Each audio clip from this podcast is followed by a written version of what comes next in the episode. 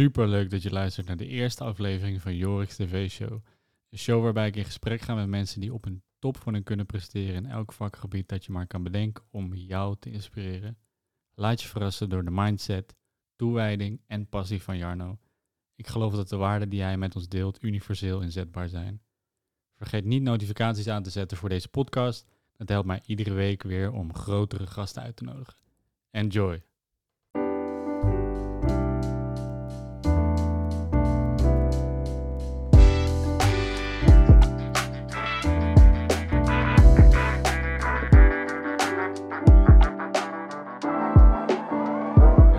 Welkom. Eigenlijk dankjewel dat je mij welkom hebt gegeten en jou ook de hier. Ehm, we gaan het vandaag hebben over MMA.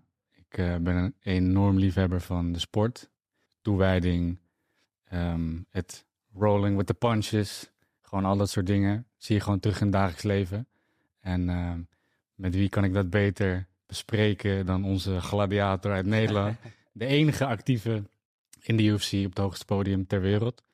Um, dankjewel dat je tijd wilde ma- vrijmaken. Hoe gaat het met je? Goed, goed. Allereerst jij dankjewel dat je een flinke reis van het noorden naar het zuiden hebt gemaakt. Ja, Dus eh, ja, ook daarvoor natuurlijk jouw dank. Eh, het gaat goed met me. Eh, helemaal top. Ik zit natuurlijk in de laatste fase van mijn voorbereiding. Ik ben mijn trainingen nu op het moment af en bouwen, dus dat geeft wel wat meer rust lichamelijk. Wel een hele harde periode en zware periode achter de rug.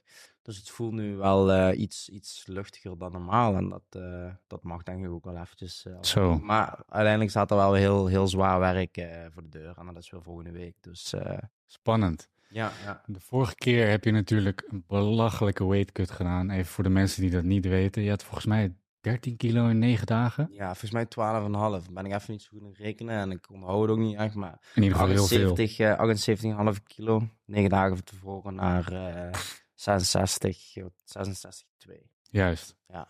Hoe is dat deze keer? Is dat, dat moet een stuk makkelijker zijn dan. Makkelijk tussen aanhalingstekens Ja, natuurlijk. ik lig, eh, op het moment lig ik gewoon top op schema. Ik ben eh, qua fysiek, en ik denk dat je het wel op de foto's op social media ziet, eh, kom ik super sterk naar voren.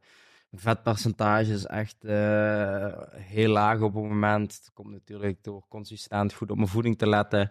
Eh, ik heb een, eh, een, een, meer eh, body-skeletmassa eh, ontwikkeld in, in de tijd dat ik eh, ja, in blessure heb gezeten en, en toch altijd heb doorgetraind. Dus ik ben fysiek ietsjes gegroeid. Maar wat wel wil zeggen dat ik juist mijn vetpercentage omlaag moet brengen om mijn gewicht te halen. Maar je zal altijd op een gegeven moment op de laatste fase van, van, je, van, het van, van de weight cut, zal je altijd ook een beetje aan je spierskeletmassa eh, gaan eten, zou ik maar zeggen. Dus je gaat dus altijd wat snoepen van je spieren. Ja. En, eh, maar goed, dat hoort erbij en dat doen menige andere atleten. Maar ik lig gewoon perfect op schema. Ik zit eh, op het moment loop ik rond op 72 kilo. We zitten nog ruim anderhalve week voor, de, voor, voor het gevecht. En de laatste kilo's worden sowieso gedaan in, op de laatste dag. Dus eh, ik zit op schema. Deze week nog, eh, nog wat, wat eraf halen met voeding. Volgende week nog wat eh, eraf halen met voeding en met waterflow. En dan eh, de laatste dag echt eh, puur eh, vocht eh, verliezen. Dus eh, ik lig op schema. In ieder geval eh, beter op schema als vorig jaar. Zo. Ja, vorige keer had je natuurlijk ook niet echt de keus. Want Nee, je werd gewoon op het laatste moment opgeroepen. Ja, het laatste moment Ja. opgeroepen. En het was, ja, als je wil vechten, kun je vechten. En eh, dan moet je op dit gewicht vechten. En eh, ja, maar gaan. Dus mijn voorbereidingsfase in, op het gewicht maken was gewoon niet, eh, ja, niet uitzonderlijk zoals het zou moeten. Niet, Nee, Ja. precies. Ja. de situatie deed zich Ja. niet goed genoeg voor. Nee, nee ja, je komt net terug van vakantie, als ik me goed herinner Ja. ook, toch? Ja, zo. Ik denk dat een heleboel mensen dan weer op gewicht zouden moeten komen. Ja, Maar jij moest wel heel ver, van heel ver komen inderdaad. Ja. Voor, want even voor de, voor de luisteraar de context. ehm, je bent de enige Nederlander ooit in het vedergewicht, Ja. featherweight. Ehm, wat, wat voor gewicht hangt daaraan? eh 66 kilo en zit een marge van, eh, volgens mij, officieel gewicht is 65,8. En dan mag je een marge van 1 lbs, dus een pound, mag je erboven zitten. En dan zit je op een eh, marge van 66,2. Zo, En dat, daaronder moet je komen. Als je 66,3 hebt, dan eh, heb je gewicht niet gehaald. Moet Zo. je boete afstaan, moet Ja. je tegenstander eh, geld meegeven. Als hij het al accepteert natuurlijk ook nog. Als hij het Ja. nog eens accepteert inderdaad, want ze kunnen ook zeggen, ja, ik vecht niet omdat het te zwaar is. Ja. dan ben- Gebeurde laatst met Wonderboy natuurlijk. Ja, ja, ja, Die, die, eh, hele, hele fight is gewoon eh Ja. gecanceld. eh, en wat, wat het gekke daarvan is, Wonderboy zelf was dan wel op gewicht, maar die heeft niet... Ja, heeft, heeft alleen de, de onkosten vergoed gekregen, ja, toch? en de rest heeft hij gewoon helemaal niks Zo. gekregen. Dus ja, je loopt gewoon zelf in zo'n fase loop je heel veel geld mis. Ja, Maar we zijn professionals en ook vorig jaar vanuit zo'n drastische weightcut heb ik het gewoon gehaald. Dus ook dit jaar, dus volgende week, wordt het zwaar. ja, Maar ik, ik zal en moet het gaan halen. En, dus, eh, en natuurlijk, omdat je ook al eens een keer zo diep bent moeten gaan, is dat een, eh, referentielijn voor jezelf. Ja, van, kijk, als je het vorig jaar hebt gehaald met dat gewicht en je ligt nu al beter op gewicht, dan moet dit jaar wel wat, eh, wat beter worden. Ja. juist. Ja, ik kan me voorstellen, ja. Ja, dan heeft het weer inderdaad de voordeel dat je dat vorig jaar zo drastisch hebt moeten doen. Ja. Ehm, nou ja, inderdaad, we hebben al een beetje geschetst hoe bijzonder het is dat je op dat grote podium als Nederlander inderdaad ook nog eens staat. Ehm, wel benieuwd, waar begint iemand aan zo'n carrière? Eh, ik bedoel, de meesten gaan, we gaan voetballen, tennissen. Ehm, MMA is natuurlijk een wat alternatievere sport, in Nederland in ieder geval. Hoe, hoe kom je bij MMA terecht? Ja, dat heeft natuurlijk. eh, ik durf niet precies te zeggen waar het komt. Maar ik denk uiteindelijk vindt ieder beestje zijn aard. En ieder beestje is anders. Eh, mens, als ik dan over beestjes spreek natuurlijk. Ja, Eh, bij mij is het wel op een, eh, op een hele vriendelijke manier erin gerold. Omdat mijn vader vroeger judo beoefende. Was ook een judo-leraar. Ehm, eigenlijk mijn hele familie, mijn oom, mijn vader en mijn opa zaten in de judo. Dus ik, ja, toen ik echt, ik heb foto's nog waar ik eh, drie keer de mouw had opgerold van mijn judopak. En dan kroop ik als een, eh, als een klein kind over de mat. Kon ik nog niks, maar ik was al wel al aan het spelen op de judomatten. Eh waar ik, kwam ik al aan aanraking met vechtsport. Weliswaar de traditionele vechtsport, waar ook de, de discipline is gevormd, Ja. waar alle aspecten van het Oosterse vechtkunst toch wel zijn gecreëerd. Zo ben ik eigenlijk een beetje erin gerold. Tot op een gegeven moment mijn opa stierf in 2008. Toen was ik 12 jaar. En toen eh, was voor mij al een beetje de, het plezier ervan af. Omdat het judo niet meer die adrenaline kick gaf die het me eh, op jongere leeftijd wel gaf. Ik ging toen parallel ging ik motocrossen. Ja, dat was gewoon super chic. En dat vond iedereen ook stoer op, op, op school. En toen eh, ja, heb ik op een gegeven moment de keuze gemaakt, toen opa is gestorven, om eh, ja, me toch wel fulltime te gaan richten op het motocrossen, waar ik al jaren echt met plezier heb gedaan. Eh, totdat ik op een gegeven moment ook een beetje in een, een, een frustratiemomentje kwam tot, eh, ja, voor motocrossen kost gewoon belachelijk veel geld. Mijn Ja. ouders komen gewoon uit de arbeidersgezin. We hebben het niet slecht, maar we hebben het ook niet breed. Maar voor de motocrossen moest mijn vader wel zijn, ja, overal zijn euro's eh doorverdienen. En hij ging als, eh, ja, als iemand eh, gewoon uit ijzer ophalen. En bij vrienden, familie, als ze wat ijzer hadden, haalde hij het op. En bracht hij het naar de ijzerboer om vervolgens de nodige euro's te kunnen binnenharken als extra voor het motocrossen te kunnen betalen. En toen op een gegeven moment, als je ook in de motocross groeit, merk je dat financiën een steeds grotere rol gaan spelen. Kom je tegen jongens die betere materialen hebben, ja, betere omstandigheden. Die kunnen bijvoorbeeld zeggen van, hey, papa heeft zoveel geld.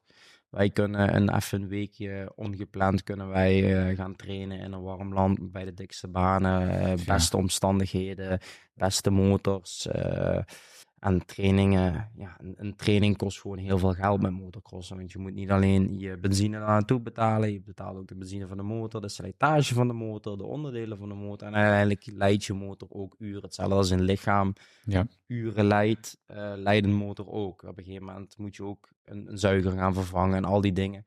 Ja, en toen kwam ik op een gegeven moment op het, eh, het hoogste amateurniveau. Ik reed toen bij de Inters, bij, eh, bij een Belgische bond. En toen eh, kwam eigenlijk een beetje de frustratie van, ik kan... Ik wil wel heel graag, maar ik kan me niet meten tegen die jongens, omdat hun gewoon hun voordelen hebben met eh, crossen. Hun Ja. maken meer motoruren dan dat ik kan. Maar ik eigenlijk altijd aan de start stond tegen beter getrainde jongens. En toen had ik al heel snel zoiets van: oké, laten we niet kijken naar eh, de dingen die niet kunnen. Laten we kijken naar de dingen die wel kunnen. En toen dacht ik van ja, als ik misschien wat meer een conditietraining ga doen, dan kan ik misschien daar mijn voordelen mee pakken. Dus ik kwam op een gegeven moment wel heel snel uit bij het kickboksen. Samen, samen met een gemeenschappelijke vriend die nu ook grote influencer is, Kosso. Hm. Zijn we toen samen naar een, eh, een gym gegaan en zijn we gaan kickboksen. Eh, ik voor het stukje van het conditionele, Mhm. voor het motocrossen. Ook weliswaar omdat ik zelf vroeger klein was. Dus ik was waarschijnlijk ook een soort compensatiedrang om om te laten zien dat ik ook wel eh, meer aan huis had dan ik, dat ik alleen maar die, dat kleine jongetje was die zich tegen niemand, of tegen niemand, die niet snel kon weren tegen die jongens wat, wat groot stonden. En ehm, ja, zo is dat eigenlijk gewoon steeds verder uitgegroeid tot eens een keer eh, ik hier bij Team Driving, de sportschool waar we nu zitten, uitkwam en eh, al heel snel werd gezegd van, nou, je kan nog wel een leuke partijtje vechten. Het lijkt je niet leuk om een wedstrijdje te doen. Ja, tot op een gegeven moment dat gewoon dat balletje gewoon steeds bleef rollen. Ik vond het heel erg leuk. Ik kon er mijn uitdaging in kwijt. En, eh, of het daagde me uit, zou ik het zo zeggen. En ik, ik kon daar gewoon heel veel energie uit halen. Ik hoefde, ik hoefde mijn fiets maar te pakken en ik was hier. En mijn motocrossen moest daar in één keer heel veel geld voor eh, in de plaats komen. Dus die, dat stukje frustratie werd natuurlijk ontnomen. En Ja. ik kon eh, ja, gewoon eh, op low budget hier trainen en het beste uit mezelf halen. En toen is het eigenlijk gewoon een beetje ja, gaan groeien op die manier. Mooi verloop. Ook wat je inderdaad daarin zegt van ehm, je wilde op een gegeven moment kijken naar, oké, niet kijken naar wat er niet kan, maar wat kan er wel. Ja. Eh, ik denk dat dat ook later terug te zien is in hoe je carrière nu verloopt. Eh, belangrijk karaktertrek, denk, je, denk ik. Ehm, waarom kickbox? Want je, je komt natuurlijk uit judo. Ehm, wa- wat, wat, eh, misschien moeten we nog eerst even terug naar de dingen die je aantrokken in het judo zelf. Ehm, en dan heb ik het voornamelijk over principes van, van de sport. Eh, ehm, ja, snap je een beetje waar ik naartoe wil? Ja. Kijk, ja, wat, wat bij judo heel erg aantrok was het, eh, judo is een zachte manier van vechtsport. Ja, En volgens mij, als ik me niet vergis, staat daar het woord judo ook letterlijk voor of iets. oké. Maar in ieder geval, ehm, je, je bent bezig met vechtsport, maar het voelt niet per se als vechtsport. Dus het is ook een laagdrempelig iets. Ehm, je hoeft geen agressie te gebruiken, het is puur technieken en aanvalstechnieken om iemand te overmeesteren of op de, op de grond te krijgen. En daarbij gebeurt dat allemaal op een dusdanige manier tot dat niet heel heftig uitdagend is. Ehm, maar je wel een bepaalde skill onder de knie krijgt. En dat is, vond ik toen leuk aan judo, omdat ik toch wel zonder te veel uitdaging een heel sterk persoon kon worden. Mhm. Ik kon echt wel iemand op de rug leggen en ik kon echt wel met iemand gooien. En dat maakte me heel erg zelfverzekerd. Ja, Eh, terwijl het eigenlijk een hele zachte manier was van een vechtsport. Iets. Ja. Totdat ik op een gegeven moment ja, dan natuurlijk ouder werd. Dan Ja. Wil je ni- niks meer op de zachte manier doen. Dan wil je ook nog meer bewijzen. Of dan heb je natuurlijk in puberteit heb je sowieso een, eh, bewijsdrang. en een beetje een thrill seeker ook, toch? Ja, en dan, en dan ga je op een gegeven moment kijken naar wat daag je dan wel uit. En dan zie je kick, eh, filmpjes van kickboxers voorbij komen. En denk die slaan erop los. Wow, hey, da- dan kijk je op naar die mensen en wat ze doen. En Ja, dan denk je ook van, hoe kunnen ze dat? En dan kijk je niet naar de mensen die natuurlijk verliezen, maar diegene die die anderen overmeestert op zijn eigen manier. En dat, dat trok me heel erg aan om, om zo krachtig te kunnen zijn en zo iemand te, te kunnen overmeesteren. Dat ik echt dacht van, ja, dat, als je dat kan, Mhm. eh, moet dat echt een euforisch gevoel eh, geven. precies. En dat, dat is iets wat ik eh, toen nog Dat tijd zocht. En nu nog altijd heel erg. Dus, en ook, ook de sport over het algemeen vind ik gewoon... Het hele vechtsportgedeelte vind ik gewoon heel erg interessant. Als je de, de mindset over acht- achter de dingen gaat zoeken.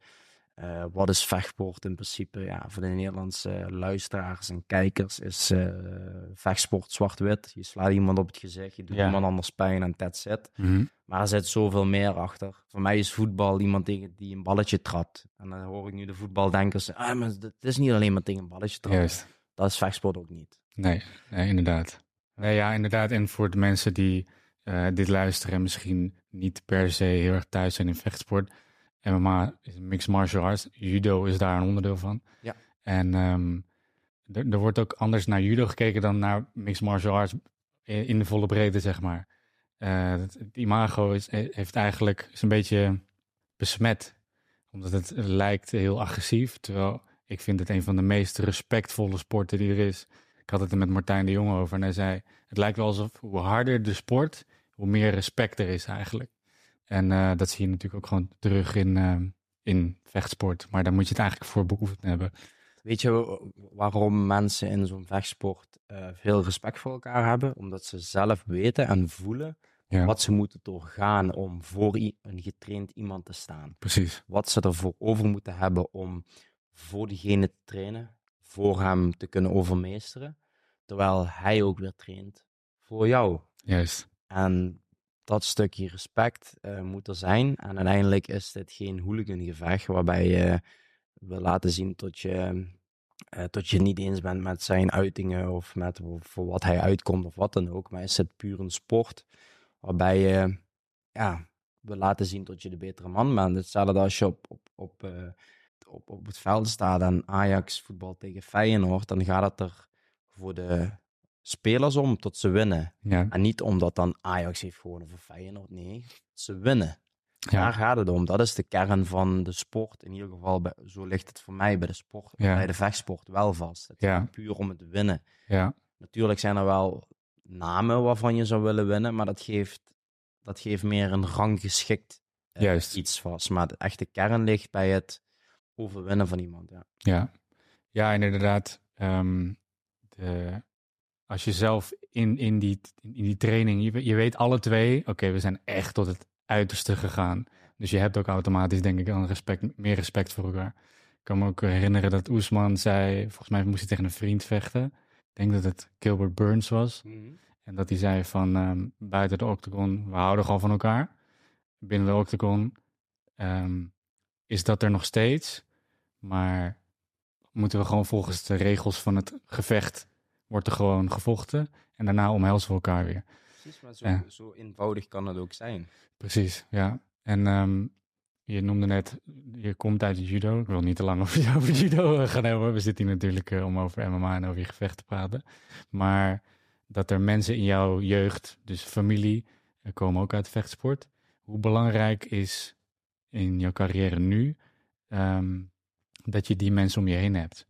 Een, een- goed support system, zeg maar. Ehm, ik denk natuurlijk, het is niet specifiek tot mijn, omdat mijn eh, familie eh, iets met vechtsport te doen had, dat dat nu een hele erge stimulans is. Mhm. Het is meer wie van mijn familie voor mij is en wat ze voor me doen en voor me betekenen. Dat heeft voor mij meer belang.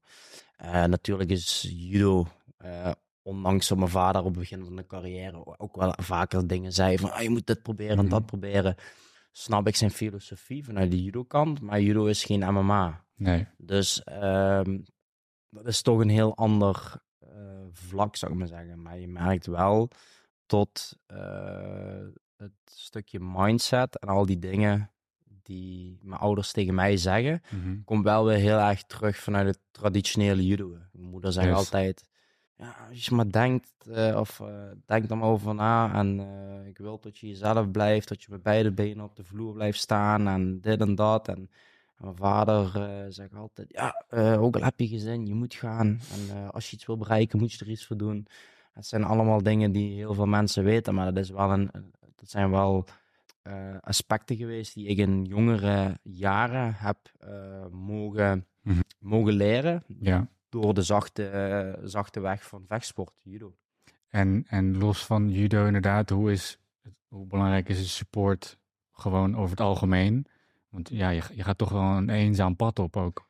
Het is heel eenzaam. Uiteindelijk eh, mo- ja, moet je er ook mee, mee dealen tot, je, eh, tot het gewoon een eenzame sport is. Je krijgt, eh, je gaat motivatiestukjes uit hele andere bronnen halen. Je ehm, bent heel erg dankbaar voor als je een weekend met wat vrienden bent. Ja, eh, en, en dan iets leuks gaat doen of een hapje gaat eten en drinken, dan kun je opeens heel erg van genieten. Want je hebt dat ook verdiend. Je bent de hele week alleen geweest. Je bent, eh, ik train in Düsseldorf, dat is een uurtje vanuit hier rijden. En dan ga ik daar naar Düsseldorf. Ja, dat zijn allemaal Duitsers.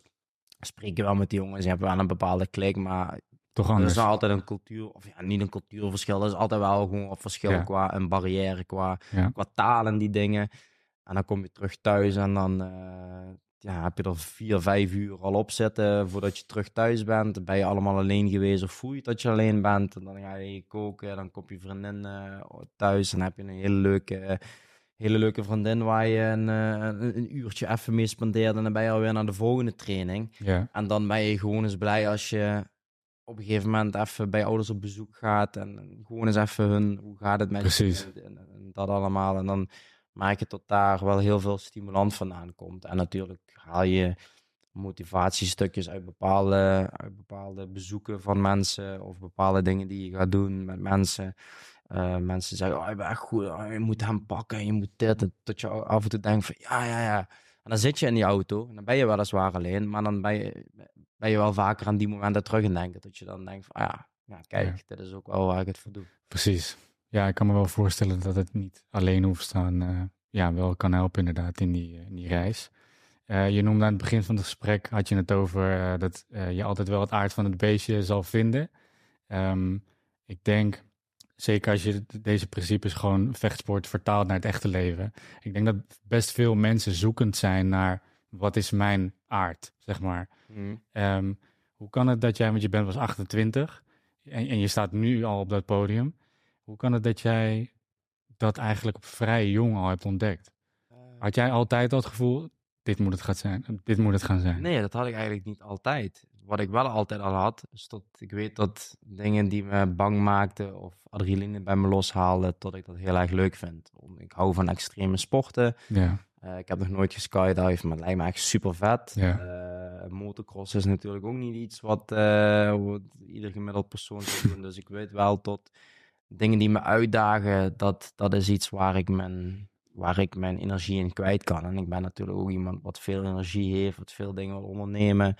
En alles waar ik een, een trill van krijg, dus echt die, die boost van, oh shit, dit is, dit is echt oh, eng. Of hier krijg je een bepaalde shock van. Dat, dat zijn dingen die mij interesseren in het leven. Of in ieder geval, dat vind ik heel erg leuk en interessant om te doen. En natuurlijk is vechtsport daar, uh, komen natuurlijk ook andere stukjes bij kijken, dat je uh, ja, zelfvertrouwder voelt bij alleen al bij het beoefenen van de sport. En dan Ja. misschien al niet een, een wonderbaarlijk talent te zijn.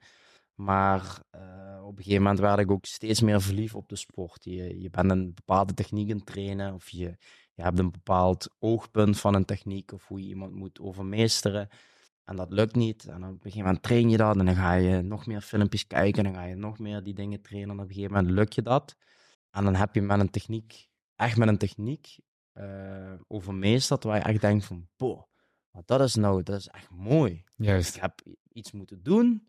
Ik heb er hard voor moeten werken. Ik heb een stukje hard werk erin moeten steken. Maar ik heb er ook een stukje theorie in moeten steken. En ik heb er consistentie in moeten steken. En ik heb op een gegeven moment heb ik het gedaan. Dat, ja, dat, dat geeft, als je dat nog nooit hebt beleefd, dat geeft echt een heel euforisch gevoel. Ook al is het op de training. Maar dat, zo werd ik ook nog meer verliefd op de sport. De hele gedachtegang achter een bepaalde techniek. Hoe je bepaalde dingen uitoefent.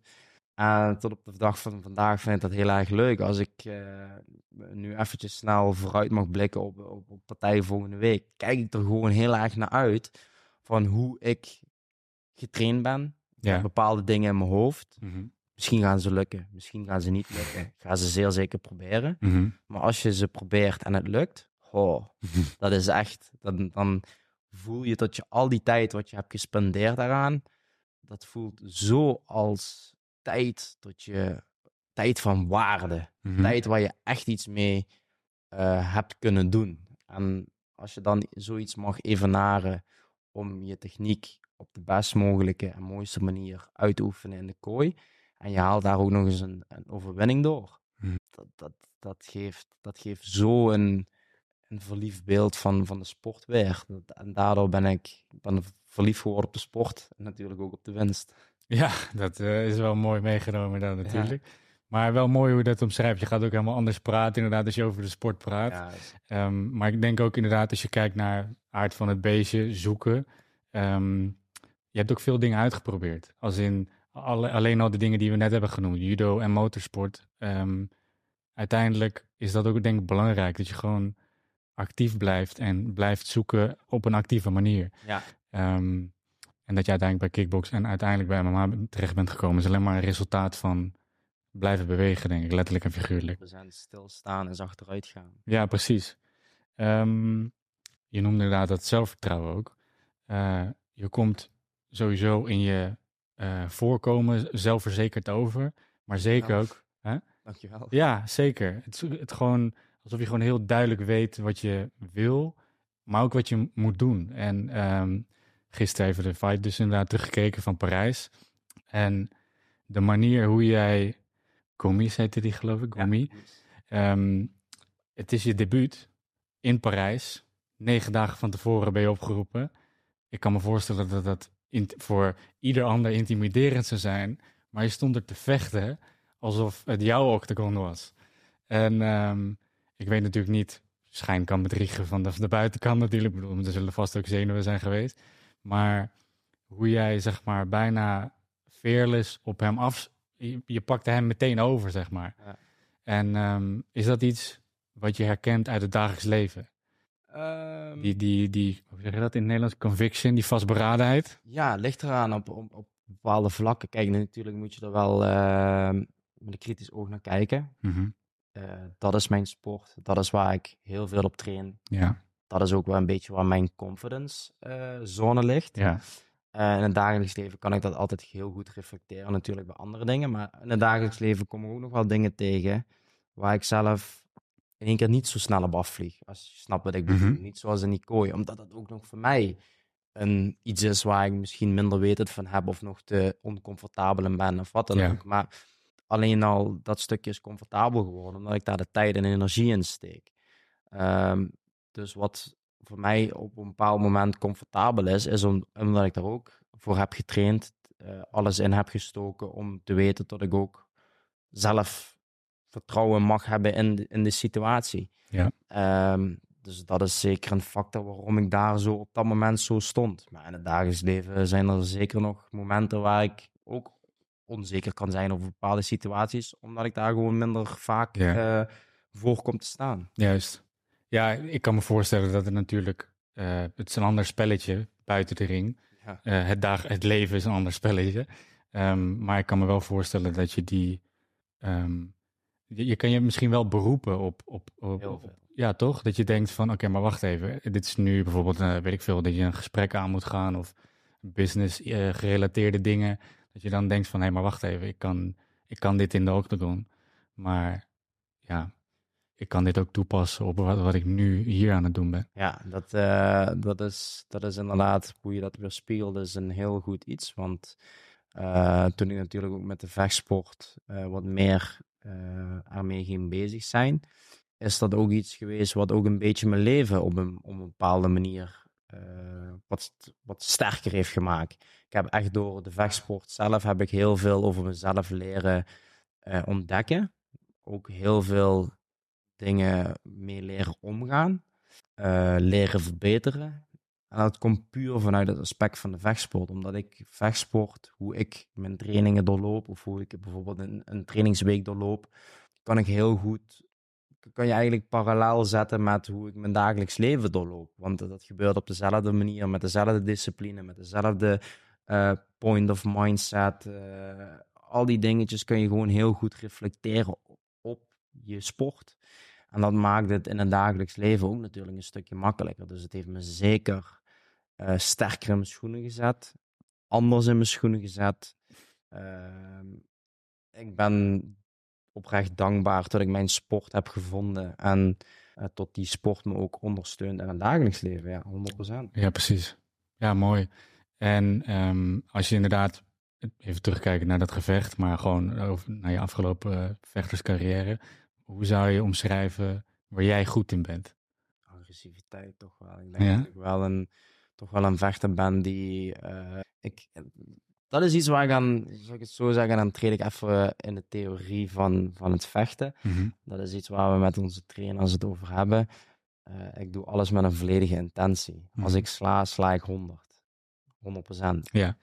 Ehm, dat is goed. Want uiteindelijk zet er iemand in zijn achteruit. Mhm. Maar het is ook goed om 60% te slaan, diegene alsnog te raken met een goede techniek. Want een 100% harde stoot hoeft niet altijd een perfect technische stoot te zijn.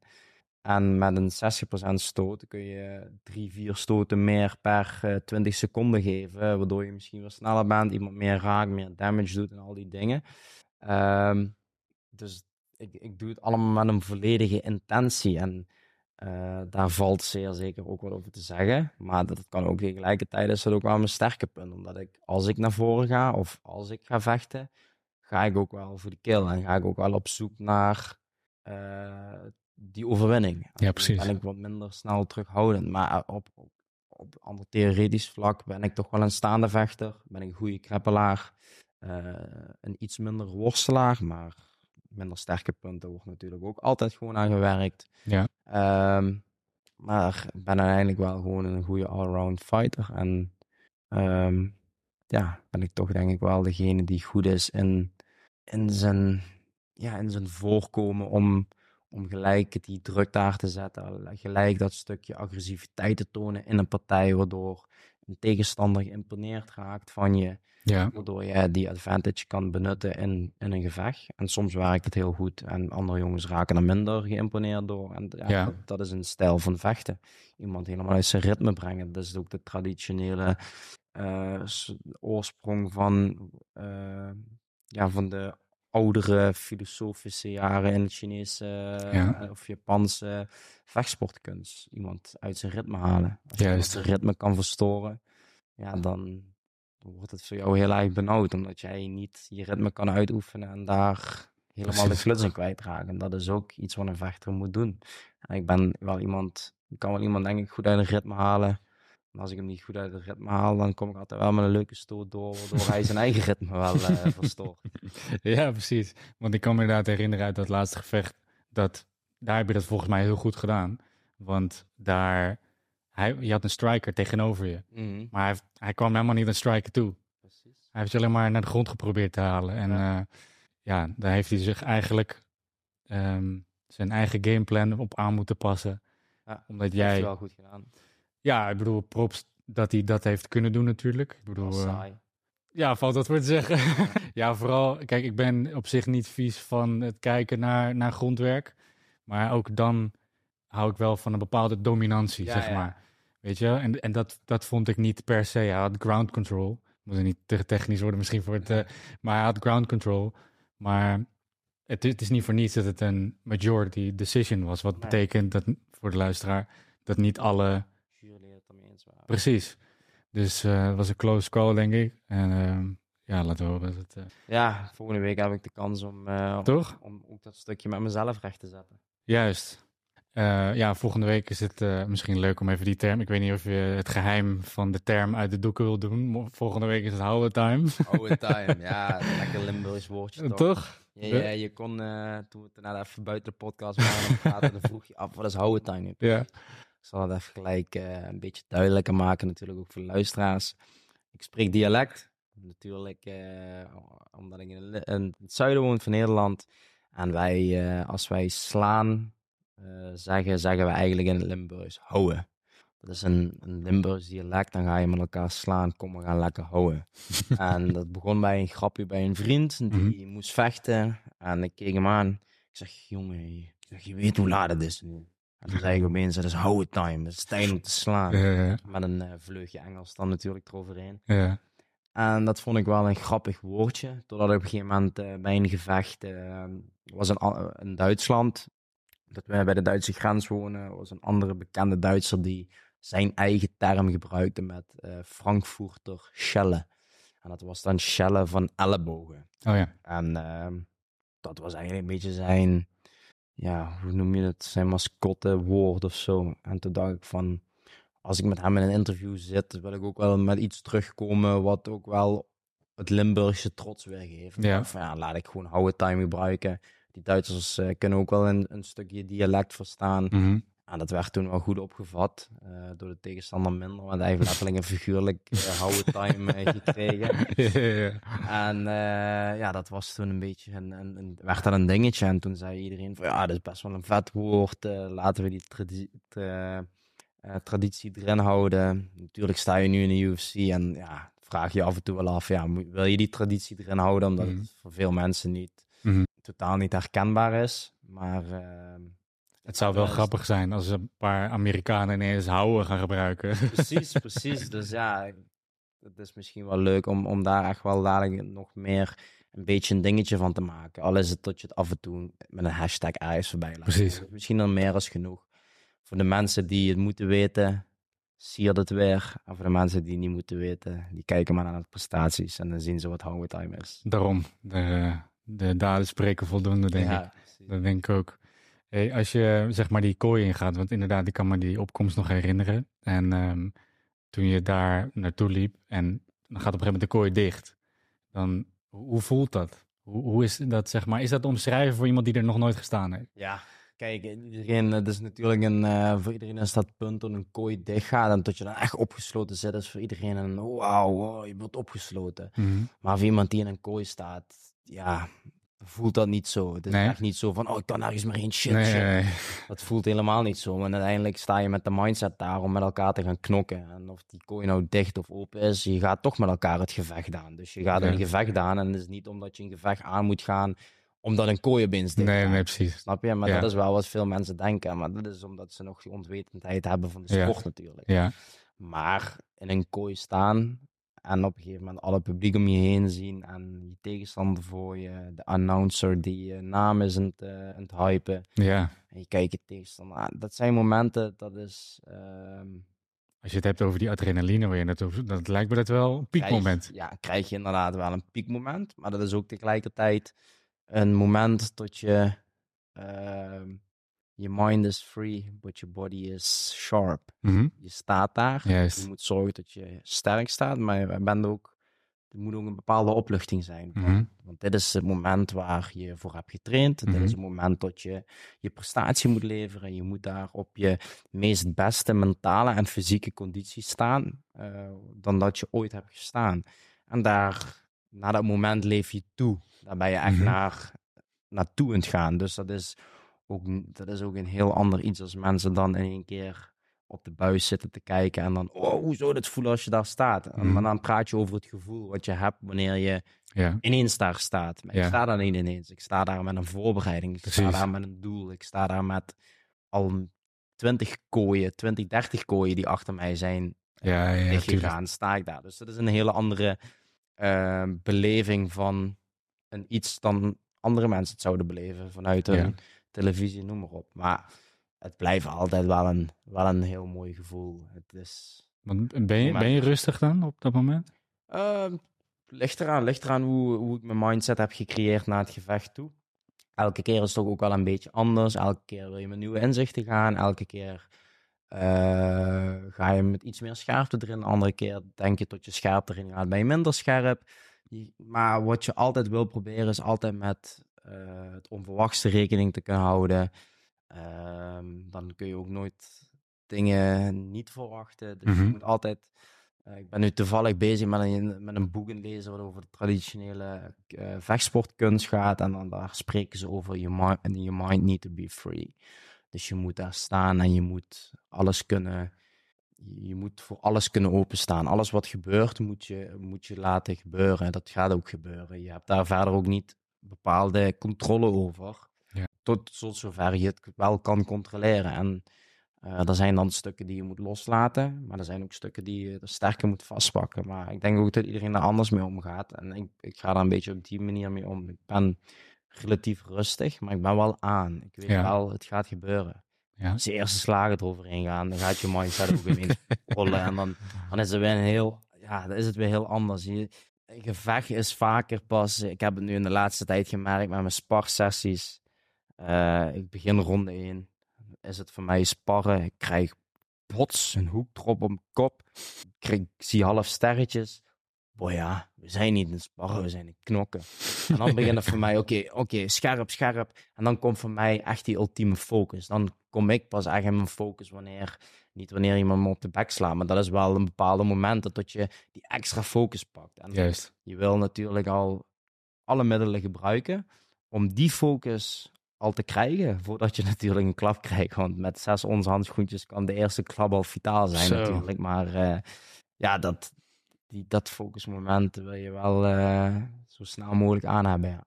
Zo, ja, dat kan ik me voorstellen. Nou ja, eigenlijk kan ik het me helemaal niet voorstellen, maar ik kan me er iets bij inbeelden, inderdaad.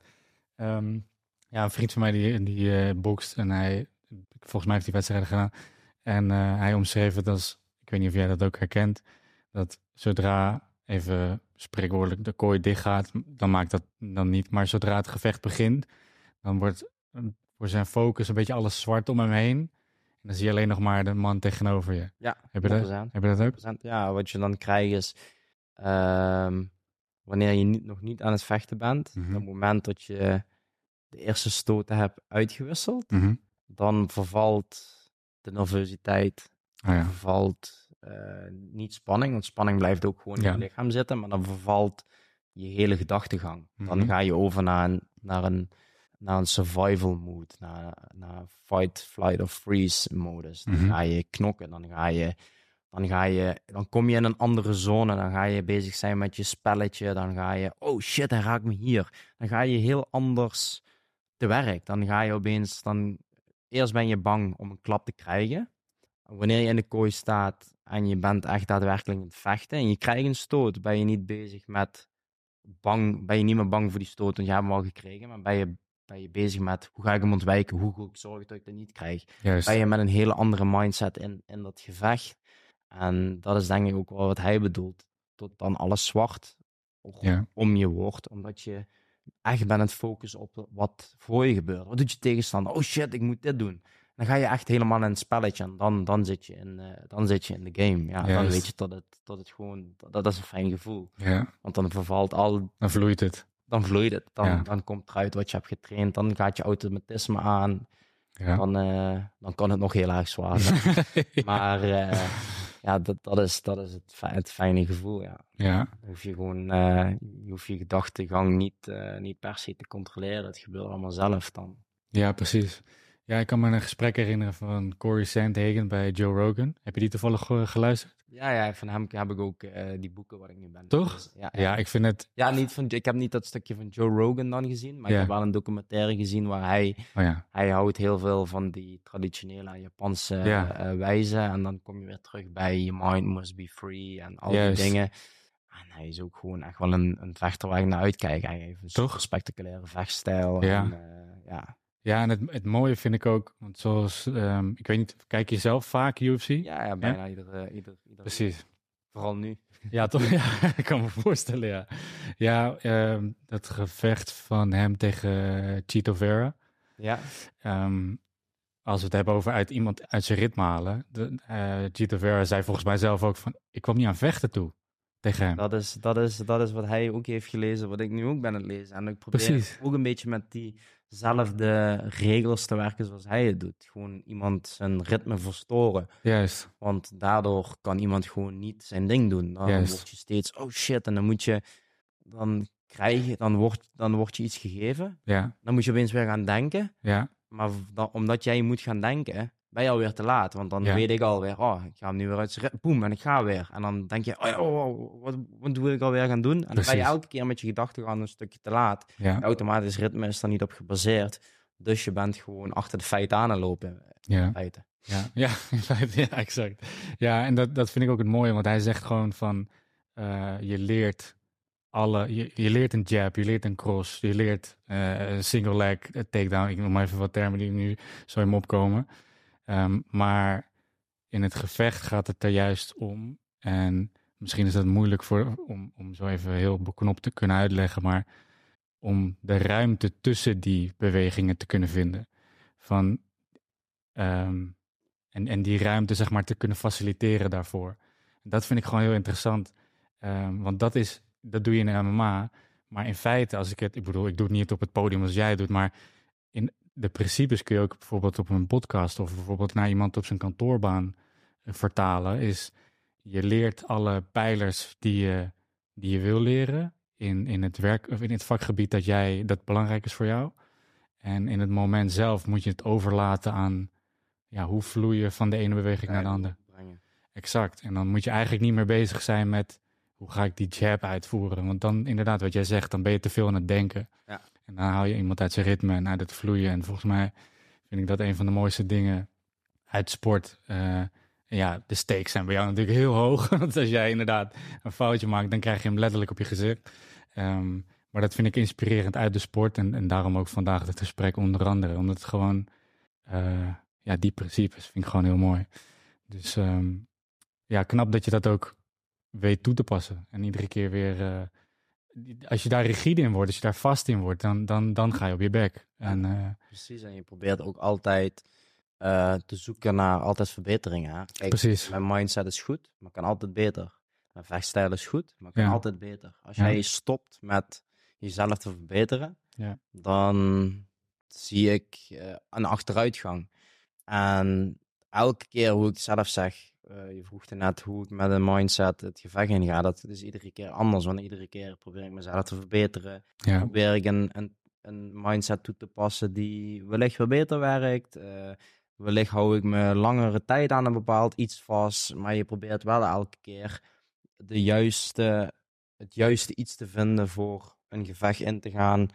Of je voor te bereiden. Of, of die dingen, ja. ja precies. En ehm, je, je begint een gevecht. Ehm, ik vraag me altijd af, want dan zie je natuurlijk, weet je, of iemand wordt helemaal op zijn bek geslagen, of het gaat heel goed. Maar hoe belangrijk is die coaching tussen de rondes door? Heb je dat echt door, of zit je zo erg in het gevecht?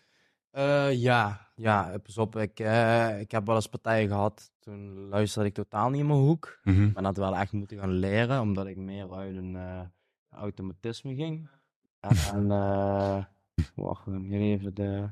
Eh, Hoi. vraag. Is dit een hele weg voor mij? eh, ja. Oké, eh, ik denk niet dat ik hier eens voel even af te zetten om meer te resetten. Nee, dat Dus- is niet, eh, dat is niet. Beste timing. Schrijf het telefoonnummer op, het gaat om de meters die bereikbaar zijn. Oké. Eh, ik ga zien in het telefoonnummer kun je vindbaar voor een afspraak te maken. Wanneer het tijd komt, hier even een sprong het meter resetten. Ja, is goed, is goed. Ja, oké, dankjewel. Nee, als je heel voorzichtig even de deur open doet en dan even op een bankje leggen, is prima. Dankjewel. Nou, dat was even een eh, tussendoortje. Ook daarin moeten we flexibel zijn en vloeien. Ja, precies. Terug in de flow. Eh, waar waren we? Even denken over het stukje van... De coaching, dat je inderdaad... Coaching, ja. ja. Het is super belangrijk natuurlijk om een goede coaching te hebben. Op het begin kon ik daar niet eh, indirect naar luisteren, omdat ik gewoon zo mentaal in de game zat, dat Ja. gewoon mijn beeld Ja, zwart werd, maar precies. ook mijn eh, gehoor. Ja, Eh, en daar leer je ook weer mee van omgaan om bruikbare middelen van buitenaf. Ik hoor nu mijn coachhoek heel goed. Mijn Mhm. coaches zijn ook altijd heel goed verstaanbaar. Eh, uiteindelijk gebeurt natuurlijk heel veel uit automatisme wat je doet. Maar er zijn wel natuurlijk dingetjes die hun kunnen roepen, waarbij je jezelf even terugzet naar de right setting, naar de right mode. Van, oh ja, Focus. hey, wacht even. Ik moet even dit beter aanpakken. Ja. Of dat je al drie keer hetzelfde hebt geprobeerd en dat lukt nog altijd niet. Dan moet je gewoon stoppen met die aanval. En dan moet je coachteam zeggen: nee, werkt niet. eh Ja. low kicks. eh, dit of dat.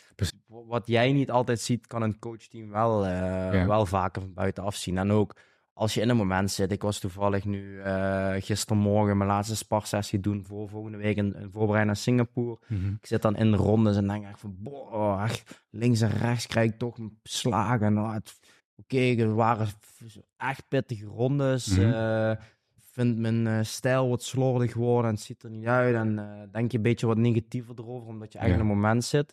En dan is alles gefilmd van buiten. En dan ga je het van buiten bekijken en denk je van, oh, gek. Oh, wow. Lekker Pound- uit. Pound round. Gewoon, eh, iedere, iedere ronde was fight of the night. eh, ja, ja, dan denk je echt van, boh, hoe, hoe tweezijdig je iets kan beleven. hè. Ja, precies. in, in een heel andere mode en je voelt natuurlijk een stoot. En wat jij voelt, voelt het coachteam niet, maar zien ze wel. En dat, dat, dat, dat ja, daar, daar is een, eh, een coachteam heel belangrijk in. Ja, mooi. Ja, interessant inderdaad gewoon. Want ja, ik, ik kijk van, vanaf de televisie. dus altijd benieuwd eh, hoe dat dan binnenkomt. Maar ehm, ja, mooi dat dat wel zijn waarde heeft. Want ik kan me herinneren dat die, eh weet je ook weer, Mahachev tegen eh, Volkanovski. Ja, En volgens mij vocht hij toen zonder Khabib in, in, de, in de hoek. Ja. En eh, hij zei wel van ja, dat had echt impact dat hij er niet bij was. In een vreemd land. En zeg maar, ja. Khabib er niet bij. Maar wel mooi inderdaad. Het, het hoeft ook niet altijd eh, de, per se de coaching te zijn, maar Ook de aanwezigheid. de aanwezigheid. Juist, ja, Het precies. Vertrouwen, het stukje Ja. stimulant. Ja, je bent er Van, oh ja, niet Oh, alleen. iemand is er en je voelt je ook sterker omdat je niet alleen ervoor staat. Juist. En dat gebeurt meestal ook bij mensen waar je meer vertrouwen in hebt, zoals een Khabib natuurlijk een uitzonderlijke vechter. Ja. als je die dan in de hoek hebt je zegt twee dingen, dan denk je ook, ja, Ga ik doen. ga ik doen, want ja, hij, eh, hij weet het veel beter dan ik. Ja, dus Precies. dat, is, dat brengt ook natuurlijk een bepaalde confidence gevoel met zich mee. Ja. Dus dat is de, het stukje wat je niet kan zien, maar wat je wel kan voelen en wat er wel uiteindelijk is. Ja. Oké, nou ja, je bent dus inderdaad in Parijs geweest. Supergoed gevecht geweest. Ehm, hoe is de periode daarna, zeg maar de eerste paar dagen, misschien weken? Want ja, je 13 kilo afgevallen in een veel te korte tijd eigenlijk. Eh, je eerste wedstrijd in de UFC. Ehm, wereldpartij, eigenlijk een beetje, tenminste dat gevoel had ik er na jouw wedstrijd, is eh, dat Volkanovski had verloren van Makhachev. Maar ze zeiden eigenlijk, eh, nee, hoe zeiden ze het nou? Ehm, he lost the match, but he won the game. Ehm, en dat, dat gevoel had ik ook een beetje bij jou. Weet je, je, je hebt technisch gezien heb je verloren, maar ik vond dat je, zeg maar, zeker gezien de omstandigheden had je gewonnen. Ja. En ehm, hoe is het dan, zeg maar, inderdaad, die heftige, dat heftige, eh, die, die periode daarvoor en een verliespartij, hoe, hoe was de periode daarna voor jou? Eh, wat voor mij ook begin, of echt na de partij veel speelde. Ik was heel erg blij, oh, toch nog ondanks een verliespartij. Of blij. Ik, ik ben niet iemand die heel erg heftig over bepaalde dingen inzet. Ik neem het zoals het is. Mhm. de, een verliespartij is een verliespartij. Ik kan erom gaan liggen, janken, brullen, wat dan ook. Maar I, I take it to the chin op zijn Engels. En waar ik wel op een gegeven moment echt een beetje mee zat, en dat was de, meer de nasleep van: oké, je hebt getekend bij de UFC, je hebt alles gevoeld. Ik heb daar weliswaar veel minder van kunnen genieten dan dat ik had gedacht, omdat alles zo super heftig, Alles super chaotisch was om, om daar te kunnen staan. En de voorbereiding, eh, het stukje media die je alleen maar moest afslaan omdat je gewoon die focus moest behouden op het wedstrijd. Dus het werd gewoon ook minder exposure, minder uitgelicht en al die dingen. En dacht, bij, dacht ik bij mezelf van oké, ik heb nu een hele grote droom, een stap van een van mijn dromen verwezenlijkt. Ja, hoe voel ik me dan nu dan eigenlijk? En toen keek ik een beetje naar mezelf terug en dan dacht ik van ja, natuurlijk heeft die verliespartij ook een, een minder euforisch gevoel gehad. Maar ik voelde me niet helemaal euforisch. Dat ik echt bij mezelf dacht van, ik dacht dat het voor mij even een ander stukje eh, geluk zou brengen. Maar, ehm, en dan moeten we niet te veel gaan denken tot, tot ik een, eh een kutperiode had Mhm. of wat dan ook. Maar ik was wel een beetje zo neutraal. Het deed me niet heel veel. Het deed me meer zo van, ja, ik zit er nu in en ik heb nu dat gehad. En ik weet dat er nog heel veel vette en mooie momenten staan te komen. Maar Mhm. ja, het voelde een beetje als je, je bent op je station en dan moet dat de verrassing zijn en dan dat is het. Juist. Uiteindelijk denk je van, oh, ik heb dat bereikt en ja, wat dan nog? Mhm. Maar, zo zou het niet zijn. Ik ken een enorme drive en eh, natuurlijk was dat gewoon ook iets waar ik zelf even doorheen, of niet doorheen moest, waar ik ook gewoon zelf bij mezelf moest denken van, oké, ja, dit is toch wat je wou en bla bla bla. En dan merk je al vanzelf heel snel dat je alles weer terugvindt. Dat je echt denkt van, ik wil het laten zien. Ja, die verliespartij moeten we sowieso gaan rechtzetten. En dan ga je weer trainen en dan voelt, alles weer zoals tevoren. Als je weer dingen hebt voor te Juist. werken. Als Ja. je weer kan laten zien van, eh, ik ben beter dan dat ik 3 september of 2 september, of wat was het vorig jaar, daar stond. Ja. Ik kan, dan, dan, dan ga je weer die euf- euforische momenten opzoeken en dan ben je helemaal terug bij af. En zoals nu, ehm, hoe korter op het gevecht, hoe, hoe zwaarder het is met, met afvallen en die dingen, omdat je gewoon minder energie- hebt Ja. hoe gelukkiger ik word. Ehm dat is zo'n vet moment dat je ergens naartoe leeft en je weet dat je iets, iets vets en uitzonderlijks gaat doen wat niet iedereen op de wereld kan. En natuurlijk ook dadelijk met een super prestatie wat ik echt hoop bij mezelf en wat gewoon ook moet en gaat gebeuren. Mhm. Dan denk je echt wel van ja man, dit zijn de momenten wat heel veel waarde hebben voor mij in het leven. Dit is echt iets wat heel veel voor mij, alles voor mij betekent. Ja, precies. Ja. Mooi. Ehm, sorry. Ik ben hem even kwijt. Knippen we gewoon. Hetzelfde als die man eh, toen Ja. Ehm, waar was ik nou? Oh ja. Ja, mooi hoe je vertelt dat die veerkracht in dat verhaal wat je nu net vertelt is, eh, we hadden het hier voor de podcast ook al even over, is kleine of grote dalen horen er natuurlijk bij. Is gewoon onderdeel van het leven, ook tijdens vechten. Ik denk dat het belangrijker is, en dat, dat blijkt uit jouw verhaal, is dat je, je naar een bepaalde piek toe gaat, dan altijd weer even terug kan zakken. Maar dat het om die veerkracht eigenlijk gaat die jij nu laat zien in, in, in die periodes. Ehm, waar helemaal veerkracht werd gevraagd van je natuurlijk, is de periode daarna, Ja. toen je geblesseerd raakte. ja, en dan nog eens de dubbele blessure. Dus Precies. ik werd, ik was eigenlijk van de eerste blessure af. En Eerste ging, blessure was een eh, schouderblessure, toch? Schouderblessure, ja. Een Ja. Over, overtrainde schouder, eh, verkalking op, eh, op een pees.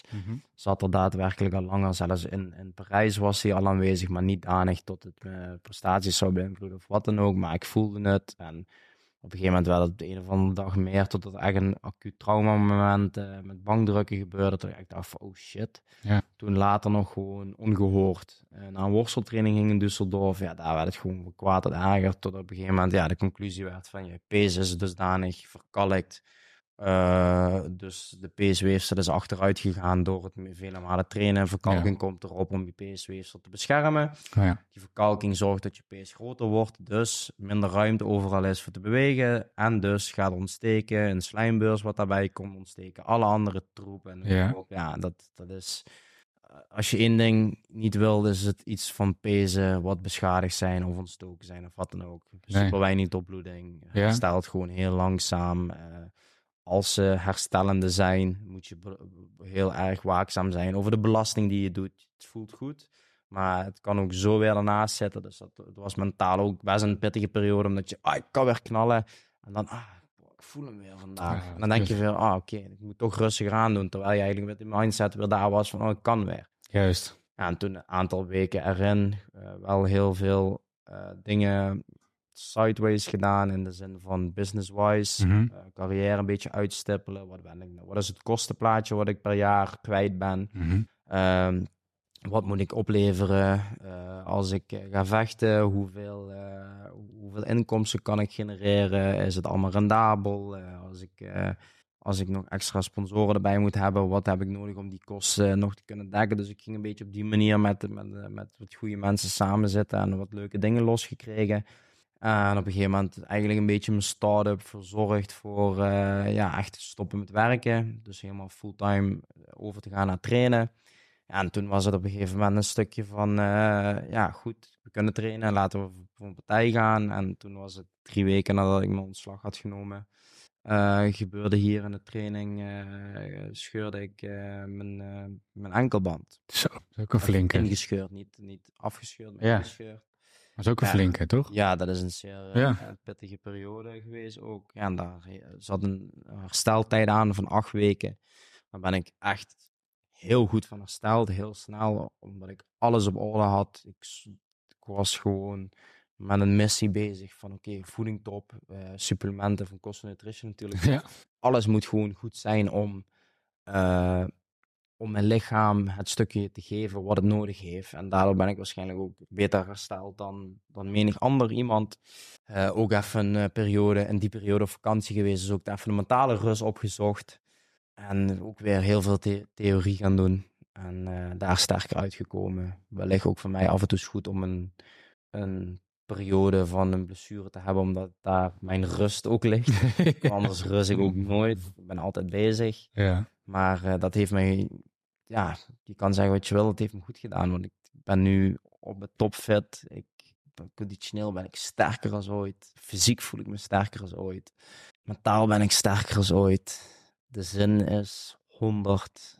Ehm, ja, alles ziet er gewoon veel beter weer uit. En dat, die, deze periodes kun je ook alleen maar hebben wanneer je van mindere periodes komt. Want anders voel je dat contrast ook niet. Je kan niet dit Nee. voelen wanneer je altijd op een high baseline zit. Nee. Dat moet je voelen wanneer je van eh, diepe dalen komt. En die periodes heb ik gehad. En nu is het tijd eh, om, om de nodige dingen te oogsten.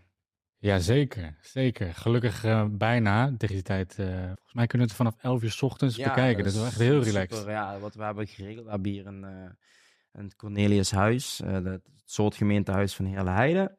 Hebben we een accommodatie geregeld met maximaal 300 man. Waarbij eh, iedereen eh, een, een symbolisch bedrag van 7,50 euro moet ja. betalen.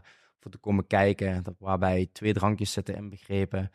en eh, gebak en vla. Hey, Daar, echt Limburgs, vlaar erbij. is eh, geheel gratis. Als ze meerdere drankjes willen drinken, Ja, zullen ze dat daar gewoon in de bar moeten bestellen tegen betaling. juist. Maar ja, dat, dat gaat gewoon voor de mensen hier. Want ja, niet iedereen gaat natuurlijk naar Singapore vliegen. Gaat dat gewoon een ultiem iets zijn, omdat je toch met, Ja, met gelijkgestemde mensen eh, een heel vet evenement op een grote beamer kan Ja. kijken. En natuurlijk in, in meerdere atmosferen eh, en, en enthousiasme van, van mensen. Ja. juist. Eh, Oh, maar dat is wel heel tof, ja. ja, is Ja. Super, eh, super vet geregeld. En het is hier eh, een 100 meter naast de gym. Dus eh, dat is ook nog gewoon heel erg leuk. Ook symbolisch, inderdaad. Naast je eigen kerk. Ja, ja, ja, Naar het precies. gemeentehuis. Ja, ja, ja.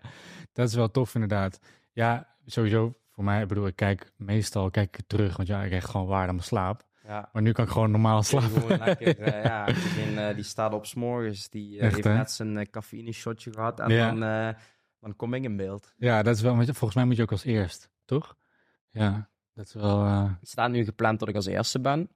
Het kan nog veranderen. Vorig jaar stond ik ook als, eh, als tweede. Oh, echt? Alleen stond ik op de maincard. Oh ja, joh. ook al dacht van, oh shit. Oh, dat is wel lijp, ja. Ja, dus eh, dat is een voorlopige planning. Ja, Ik denk wel dat het zo gaat zijn. ja. Ehm, maar het zou zomaar weer eens kunnen veranderen. Dus ja. Either way, zien, ja. gewoon mensen kijken. En zeker mensen hier uit de buurt. Zeker aanraden om naar het eh, gemeentehuis te gaan. Want met z'n Ja. allen kijken sowieso altijd het leukst. Ja. Ehm, bruggetjes af en toe. oh ja. Ehm, je liet wederom weer die veerkracht zien inderdaad. Zeker in een tijd dat het gewoon ontzettend moeilijk kan zijn. Ehm, wat zit, wat, dat val- valt me altijd op bij topsport, is je moet niet een beetje terugveren, maar je moet eigenlijk nog harder gaan dan dat je daarvoor eh, je, je tempo had, zeg maar. En wat is het dat sommige mensen stoppen en sommige mensen doorgaan? Ik herken het als amateur, eh, gewoon als recreatief sporter. Voor de, even context, ik ben echt een belachelijk slechte MMA-vechter. Dat zei hij zelf. maar eh, er zijn momenten dat ik tijdens de training ook denk van als ik nu doorga, dan sport ik het licht uit mijn ogen, bij wijze van spreken. Of eh, weet je, dan heb je een stoot gehad en dan, denk, dan zegt je brein stop. Of ga, ga, ga even staan of zo, weet ik veel.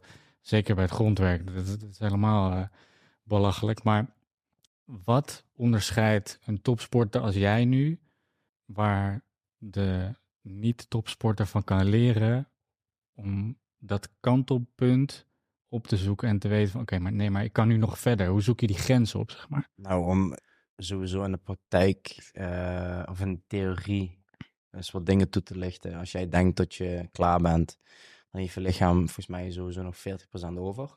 40. Oh. 40. dat is- Je kan, als jij denkt, ik ben helemaal kapot, Mhm. dan heeft je lichaam nog 40% eh, te bieden. Eh, dat is een biologisch iets. Mhm. Eh, ik weet even niet precies de theorie. Ja. Maar wellicht als je het gaat opzoeken van hoe, dat, hoe die systemen werken, noem maar op, eh, is dat theoretisch zo vastgelegd. Mhm. Eh, mentaal is het denk ik wat een echte goede topsporter onderscheidt met bijvoorbeeld een amateursporter, is denk ik wel een ultiem verlangen.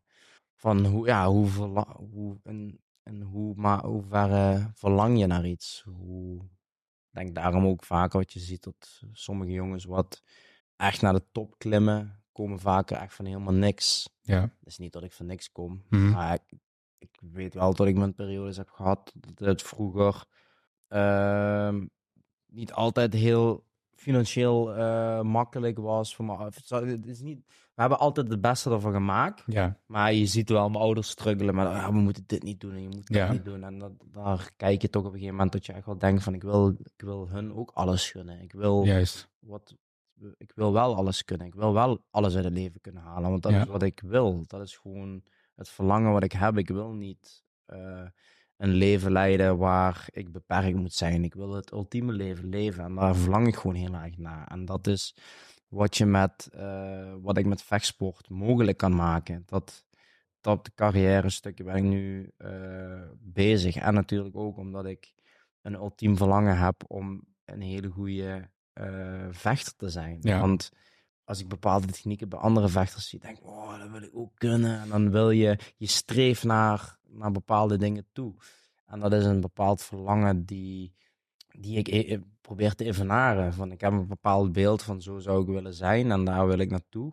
En dan uh, wellicht zal ik er nooit komen. Want die, ik hoop dat ik er nooit zal komen. Want ik wil altijd die Ja. drive hebben om, om dat te blijven, of het ultieme te blijven evenaren. Eh, maar ik denk dat wel dat eh, dat stukje wel het onderscheid maakt. Dus zo, ja, wat is dan een goed iemand, een goede sporter of niet? Het is puur van, ja, hoe, hoe, hoe ver eh, is iemand zuchtig naar iets? Dat is een Limburgs woord, denk ik. Ja, maar ik, eh, Duits, ja. Ehm, ik denk ook dat dat, eh, wat je inderdaad zegt over die, over die drive, ehm is volgens mij zo'n cliché uit, uit eh, motivi- motivational speaker wereld, zeg maar, eh, dat de, je goal groter moet zijn dan je obstakel. Dat heb ik al gemerkt. Ja. Toch? Ja, precies. Dan, want als je dan je obstakel ziet, kun je er in ieder geval overheen kijken. Zie je van, oké, maar Ja. daar kom ik wel overheen, want daar moet ik naartoe. Nou ja, volgens mij is de UFC eh, aardig. eh, Ja, zeker. En uiteindelijk denk ik dan, eh, waarom mag je niet dromen van kampioen worden? Ik moet, Precies. Ik moet dromen van kampioen worden. Ik Ja. moet dromen van... Ik sta volgende week op de main card eh, met Max Holloway. En ja, hij is een van mijn favoriete vechters. Er moet toch ook een dag kunnen komen dat ik hem tegen hem moet kunnen staan. zo. En dan, ja, inderdaad zeg je zo, maar wat is dan, wat is dat zo aan? Is dat dan... Ja, eigenlijk wel, is ja. dat- is, ja. dat, is dat iets niet haalbaars? Is dat Ja. daarom zo? Of is dat zo omdat het nog zo ver weg lijkt? Maar wat ver weg lijkt, kan ook heel snel voorbij komen. Want die Helemaal met je ligt eens. ook altijd ver weg. En dat Ja. heeft hem misschien wel ook op een andere mindset geze- gezet van... Ja, Ja. fuck it, iedereen die denkt die, eh, die zei dat ik eh, iets niet ging bereiken of eh, niet gro- groot mocht dromen. Of, boah, dat is, UFC is wel een andere level. En Mhm. fuck, ja. ja echt, het is, het is, maar ander level of niet, als jij ander level kan denken, Ja. denk ik ook dat je ander level kan bereiken. En dat is, eh, Ja. dat is ook misschien wat iemand iets kan onderscheiden. En natuurlijk zijn het allemaal mooie woorden en, en dingen, maar je moet er ook wel de daden voor insteken. Maar ik ben ook iemand die, ik durf mijn werk erin te doen. Ik ben een ambachtsman van, eh, Ja. van origine. Ja. Ik weet wat hard werken is. Eh, slim werken is iets wat ik nog moet leren. Maar hard werken is iets wat ik maar altijd graag doe. Dus ehm, laten we die combinatie vooral eh, gaan opzoeken met elkaar. En, en daarmee hopelijk nog heel veel mooie dingen te kunnen bereiken. Ja, precies. In ieder geval mooi dat je inderdaad en die veerkracht hebt, maar ook die, die drive en die ambitie die je erbij hebt. Ehm, wat, wat ook een beetje wat ik mooi vind aan, aan, aan- dit podcast is, dat zei ik ook al voordat we de podcast begonnen, is voor veel mensen is, want ik, ik betrapte me er net zelf op, jij betrapte mij erop en ik zei van zo, maar in principe geloof ik in ieder geval dat je elk doel wat je hebt, als je het gewoon opbreekt in kleine stukjes, Weet je wel, van, je kan naar een vechter kijken van oké, waar bestaat hij uit? Ehm, hoe kan ik elk klein stukje optimaliseren? En dan, dan kun je daar ook gewoon naartoe. Eigenlijk gewoon op basis van logica. Ja, En ehm, dat vind ik het mooie aan, aan, aan dit gesprek, is dat, dat we langzaam on- ontleden van, jij bent ge- gewoon iemand die gewoon heel gepassioneerd is en gewoon stapje voor stapje naar een heel groot doel toewerkt. En dan blijkt dat dat, dat doel is in het begin misschien ver weg, maar als je dat gewoon opbreekt in kleine stukjes, dan kan iedereen er gewoon naartoe. je moet het zien als je ergens naartoe gaat lopen of naartoe gaat rijden. Ja, Eh, als jij zegt, ik ga naar Spanje rijden, dan zeg je, "Poh, ga je naar Spanje? Ja. Maar begin eens te rijden en voordat je het weet ben je in Spanje. Precies, En Dat, ja. dat is denk ik hetzelfde ook een beetje met dingen in het leven wat je wil bereiken. Dat ik echt denk van ja, als jij natuurlijk, hè, is daar ook natuurlijk een realistisch stukje. Het moet Ja. allemaal wel realistisch zijn, want je kan wel dromen, maar je dromen moeten, je mag zweven, maar dromen moeten ook ja, op een bepaalde manier realistisch zijn. ja, Maar realistisch is altijd iets wat. Voor mij is elk stukje wat realistisch is, is tastbaar. Ehm, Michael Jordan. eh, ben ik niet de, de beste basketbal eh, eh, iemand die daarover weet. Maar waarom zouden andere basketballers zijn niveau niet kunnen evenaren? mhm, Als hun alles eraan doen en die input doen en een stapje elke keer proberen te maken, noem maar op. En natuurlijk hebben veel meer mensen vanuit een, eh een gene kwestie en die dingen allemaal. Maar ik ben van mening, voor hem was het toch ook tastbaar. Hij heeft Ja. twee armen, twee benen, hij doet het, hij is een mens. ja, En misschien voelt dat altijd heel ver weg, maar ik wil de wereld niet groter of iets niet groter maken dan het misschien daadwerkelijk is. nee, trek het misschien korter bij, zodat een, een verre afstand of een groot doel korter bij lijkt dan wat het is. Want uiteindelijk strikt dat je minder, minder af. Ja. En krijg je er ook, ook sneller het vertrouwen in om het misschien wel te kunnen bereiken. En eh, dat klinkt misschien voor veel mensen uh, wow, ben je allemaal aan het vertellen, je, je moet realistisch blijven en dit en dat. Maar ja, fuck it, ik heb ook maar één keer de kans in mijn leven om al die dingen te bereiken. En ga jij me dan vertellen dat ik niet zo mag denken? Hel je, ik ga zo denken, ja, want precies. Uh, ik wil het wel. En als ik het nou red of niet, ik heb wel op die manier heb ik het voor mezelf makkelijker gemaakt. Ja. Op mijn manier gemaakt dan dat uh, jij het zou doen. Ja. En dat is jouw keuze. En mijn keuze is mijn keuze. Precies.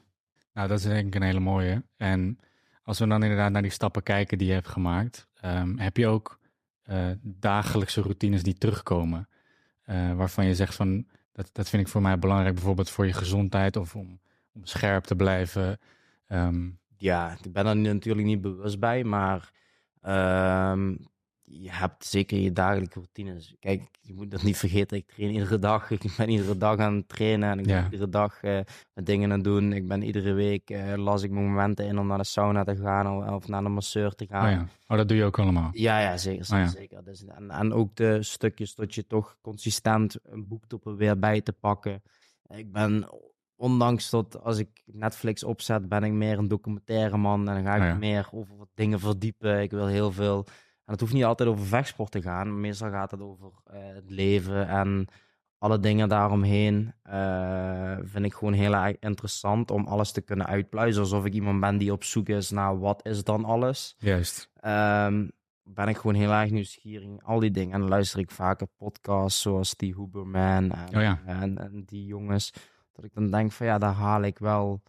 Ah, vind ik leuk om te luisteren. En dat Ja. geeft, geeft mij kennis. Mhm. En kennis geeft mij macht. En dat vind ik heel erg fijn om, om te hebben. En het is niet dat je daar per se met bepaalde kennis je geld verdient. Maar ik denk dat we mezelf nou...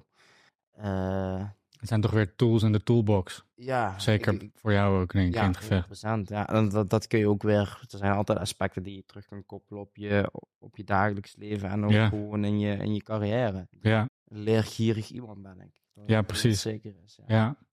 Oké, nou, we hebben het in ieder geval gehad over eh, de reis hier naartoe. Eh, wat, ik vind het een hele inspirerende reis in ieder geval. Eh, nu heb je natuurlijk in Parijs gevochten. De naam wordt groter. Jarno Ernst wordt steeds, wordt steeds een bekendere naam. Zeker omdat je de enige Nederlander in de UFC bent. Ehm, Mannelijke Nederlander in de UFC. Er zit wel nog een mee. ja, ja. Ja, die is nu moeder. Dus ik weet niet of ze nu op Ja, dit moment ze- vecht. Ik heb haar laatst gesproken en eh, ze waren bezig met een partij. Oh, nice. Oh, ik, Dus, hoop, eh, ja, ja, ja, ik ja. hoop dat ze... Ik hoop het ook. Ja. het ook. Sta ik er niet alleen voor. Ja, ja, precies. Dat is toch een beetje de weight on your shoulders nu. Ja. eh. Maar hoe ervaar je die druk, zeg maar? Heb je die? Voel je die? Want ik bedoel, laatst had ik... eh ES nee, wat, waar kijken we nu op? Discovery. En dan hebben Gilbert Eiffel en Marloes Koenen... die hebben het over jou van... ja, dat is de nieuwe Nederlandse trots. Dat is misschien pressure, of voel je dat niet zo? Eh, ja, enigszins pressure, maar je moet natuurlijk altijd de, de grondwaarden kennen. Voor wie, wat, hoe doe je wat. Eh, als ik daarnaar kijk, doe ik het allemaal in eerste instantie voor mezelf, omdat ik het zelf heel erg leuk vind en noem Ja. maar op. Eh, natuurlijk vind ik het ook heel erg vet om mensen te imponeren, te inspireren en te motiveren. Ja. En dat is ook zeer zeker een bijkomstig iets. Ehm, wat betreft druk, je voelt wel natuurlijk enige druk eh, opkomen, maar het is ook wel dat ik denk van ja, het is dat stukje, we spreken over het onverwachte en we spreken ook over het verwachten. Mhm. En je weet ook dat dat erbij gaat komen en dat dat Ja. dingen zijn. En uiteindelijk word je daar zo vaak aan blootgesteld tot ergens druk op uitoefenen, eh, voelt ook steeds als minder druk. Je kan veel beter op een gegeven moment met bepaalde druk omgaan dan dat je in eerste instantie doet, omdat je daar meerdere malen tegen, ja, mee hebt te dealen gehad. Ja. Dus ik, ik voel zeker wel een bepaalde druk. Ehm, ik probeer het in te zetten waar ik het kan inzetten. Ik probeer het af te schakelen waar ik het moet afschakelen. En probeer er op de best mogelijke manier mee om te gaan. En uiteindelijk wil ik eh mezelf tevreden stellen.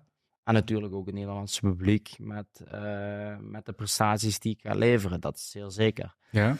Dus ehm, maar over het algemeen, als we dan praten over druk, denk ik wel dat ik het goed manage. Oké, ik denk top. dat ik daar wel redelijk... eh, ik ga er gewoon goed mee om. Ik, ik, Mooi. ik weet, ik weet goed bij mezelf te blijven en eh, dat is belangrijk. Juist. Nice.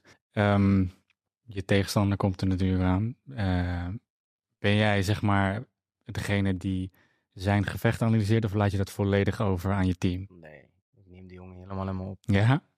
Je kent zijn zwakke en zijn krachtige punten. Zeker. Ja? Ja, zeer zeker. Eh, Want hij heeft drie verliespartijen op naam staan. Is dat iets wat meespeelt voor hem, denk je? Want het, zeer zeker. Maar dat speelt ook meer voor mij, want je weet dat hij eh, kan het nauw maar gekke dat, sprongen. dat is letterlijk wat ik had opgeschreven, ja. Dus eh, je moet daar zeer zeker rekening mee houden dat die jongen opeens alles wil en, eh, en Ja. zijn leven kan, kan redden in, in, in de sport door een overwinning op mij te halen. ja. Maar daarentegen moet je zelf ook heel erg bewust zijn van ja, wat, wat hij bij jou van je bord steelt. Ja, eh, moet ik ook niet laten gebeuren. Ik moet bij hem van het bord stelen. Want uiteindelijk, het is hij of ik. ja. En eh, ja, dan is de keuze snel gemaakt. dus ja, je moet daar gewoon, eh, op dat gebied ben ik weer heel nuchter. Ja, sorry jong. Ehm, ik, ik, ik, heb, ik heb veel meer te willen dan Ja. dat jij wilt. En ik weet dat je kan en nou bent, maar gaan ook iedere, mens, iedere dag mensen dood. En dat is ook jammer. En Ja. eh, even jammer gaat jouw verliespartij eh, dadelijk zijn. Ja, ja, precies. Ja, ik ben heel benieuwd. Hij is volgens mij twee jaar ouder. Maar inderdaad, dus eh, ja, Ja, het is geen missen, jongen. Totaal Nee. niet. Ondanks de drie verliespartijen telt zijn record eigenlijk niet zoals een record telt. Want hij heeft tegen echt legit jongens gestaan. Ja. Hij heeft al zeven partijen in de UFC het, gevochten. ja. In vrij korte tijd ook, zeg maar. Voor- hij is vrij actief, was hij ook, hè? Ja, 100%. En hij, Ja. is, ja, hij, is, hij is gewoon een goede jongen. Ik moet hem Ja. zeer zeker niet Nee, onderschatten. nee, Ik precies. wil mezelf ook nog scherper maken dan ik nu ben. Om me meer, bij mezelf wat meer angst in te jagen. Ik ben heel erg confident op dit moment. Eh, daar ben ik zelf ook bewust van. Ja, Dus ik wil ook zelf een stukje onconfidence bij mezelf creëren om, om die scherpheid te kunnen, te kunnen stellen. Omdat ik me niet moet vergissen in dat mijn confidence geen zwakte moet gaan worden. juist, ja, precies, ja. Ja, dat, nee, dat kan ik me heel goed voorstellen. En als je dan kijkt naar het gevecht, ehm, je hebt dan een gameplan. Tenminste, ik had het laatst met Martijn over, eh, Martijn de Jong. Mhm. Die weet het een en ander over gameplans. maar hoe ehm, rigide, of nou ja, rigide is misschien niet het goede woord, maar hoe vast is dat gameplan? Want stel, hij gaat in één keer een hele andere tactiek eh, aanhouden. Hoe is dat voor jou? Hoe flexibel ben je daarin? Your mind need to be free. Ja. Wanneer jij eh, wanneer je rekening kan houden met het onverwachte, moet je je adopteren op het onverwachte. En eh, dan ben je ook al een stapje verder. Ehm, wanneer je geen rekening houdt met het onverwachte, sta je achter. En is MMA. Ik heb in een andere partij heb ik gemerkt dat je denkt dat jongens om een bepaalde positie blijven vechten, maar dat niet met je gaan doen. Ja. Zo, zo wellicht kan dat bij hem ook gaan gebeuren. Mhm. Maar nu ben ik op alles voorbereid. Want Juist. ik weet waar het spelletje naartoe kan gaan. Ik ga ervan uit waar het, eh, waar het gevecht zich zal gaan plaatsnemen. Mhm. Maar je hebt nooit de hele overtoom van hoe, hoe Nee. zijn, eh, zijn gedachten kun je niet controleren. Zijn Nee. gedachtegang kun je niet. Wellicht eh, verras ik hem of verras hij mij. Ja. Dat het blijkt 26 augustus blijkt zo. Dus eh, ah, ik vind dat gewoon spannende momenten. Dat is Mooi man. ja, een, een gameplan staat niet altijd vast. En ehm, dat, dat maakt het ook leuk. Want Ja. uiteindelijk, als je dan terugkijkt op de partij, dan eh, komt, komt de waarheid naar boven. En Yes. dan eh, zit je soms met het gevoel van, wow, wat had ik gelijk. En soms zit je met het gevoel, ah, zie je, hij ging toch dit of dat doen. En dat, ja, dat, dat is heel erg uitdagend. Ja, dat is ja. super uitdagend. En hoe we dat eerder in een gesprek hadden, als iets, iets uitdaagt, vind ik dat... eh, Ja. vind ik dat gewoon heel erg leuk. Ja, precies. Ja, mooi. Ja, uiteindelijk moet het vloeien natuurlijk. Maar ja, inderdaad, dan moet je in het moment zelf daar wel toe in staat zijn. Dus knap. Eh, ik weet niet hoe ver je vooruit kijkt. Want ik bedoel, ik kan me voorstellen, zeggen ze niet bij voetbal altijd, eh, elke wedstrijd is een wedstrijd op zich. Dat zal bij jou niet anders zijn. Ehm, maar ja, kan me voorstellen dat je ergens dromen toch vooruit kijkt, toch? Zeker, zeker. Wat, hoe zou, als je, je visualiseert veel, als jij nu naar de toekomst kijkt, pak een beetje de komende vijf jaar. Hoe, Mhm. hoe, in, hoe zou je dat voor je willen zien? Oh, binnen de komende vijf jaar moet ik minimaal in de top 10 of wel in de top 5 zitten. Uh, ik wil eigenlijk dit jaar wil ik sowieso ook nog een partij draaien. Dus later dit jaar. Ik wil, oh, dit jaar nog, joh. Dit jaar Zo. zeker, zeker, zeer zeker. Eerst natuurlijk, hè, voordat we alle ja. alles gaan zeggen, ja. 26 augustus, dat is de main focus. En daar gaan we natuurlijk vanuit, dat de first things first. Ja. Maar uh, ik hoop dit jaar nog eentje te kunnen vechten. Later op dit jaar, wellicht uh, eind november, uh, december ergens. ik ben natuurlijk ook lange, lange partij eruit geweest. Dan heb ik daarna nog één gevecht op mijn contract als ik die in november en december heb gevochten. Dan hoop ik die ook nog mooi te kunnen winnen. En dan gaan we ook weer zien in wat voor positie we staan. En dan kunnen we, denk ik, misschien in dat contract of misschien op het einde van dat contract gaan kijken naar een ranked guy. Um, tot we ons beter in de positie kunnen, kunnen zetten. Ja. En dan wil ik me gewoon als een, ja, als een nuchter iemand omhoog werken in de rankings. Dan wil ik gewoon partij na partij uh, bewijzen en laten zien tot ik, uh, tot ik ook aan de top mee kan draaien. De ultieme top, want je hebt natuurlijk levels in top. Ja. Maar uh, dan zie ik zeker wel uh, binnen vijf jaar zie ik mijn titelpartij draaien. Ja. Goed zeg. Ja, in vijf jaar zal dat wel echt moeten gebeuren, ja. Dat is ook een mooie leeftijd, denk ik. Dan ben je ongeveer 33, dat, toch? Ja, dat, uh, dat is denk ik voor een vechter zo'n beetje prime, denk ik. Ja, toch? Ja, denk ik ook wel, ja. Begin 30 zoiets. Dus uh, ja, dat zou heel mooi zijn. Ja. Heel mooi verhaal. Vanaf jaren geleden tot nu. Wat wil jij dat mensen meenemen uit jouw weg? Wat, wat, wat zou, waarmee zou je hen willen inspireren? Um, ik wil hen vooral inspireren met hoe ik uh, bepaalde dingen aanpak. En dat is niet dat ik wil zeggen dat ik uh, wat ik doe, dat dat voor iedereen werkt. Mm -hmm. Maar mijn mindset werkt voor mij heel goed.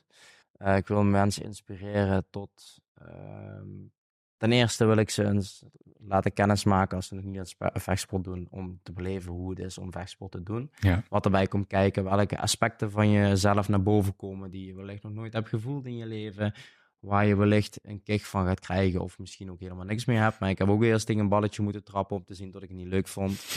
uh, dus ga ook zeker eens een keer naar de sportschool. Uh, belicht het ook eens eh, van de andere kant. Uh, zie je niet alleen het zwart-witte beeld ervan, maar zien ook alle alle dingetjes erachter. Bekijk ook het mentale aspect.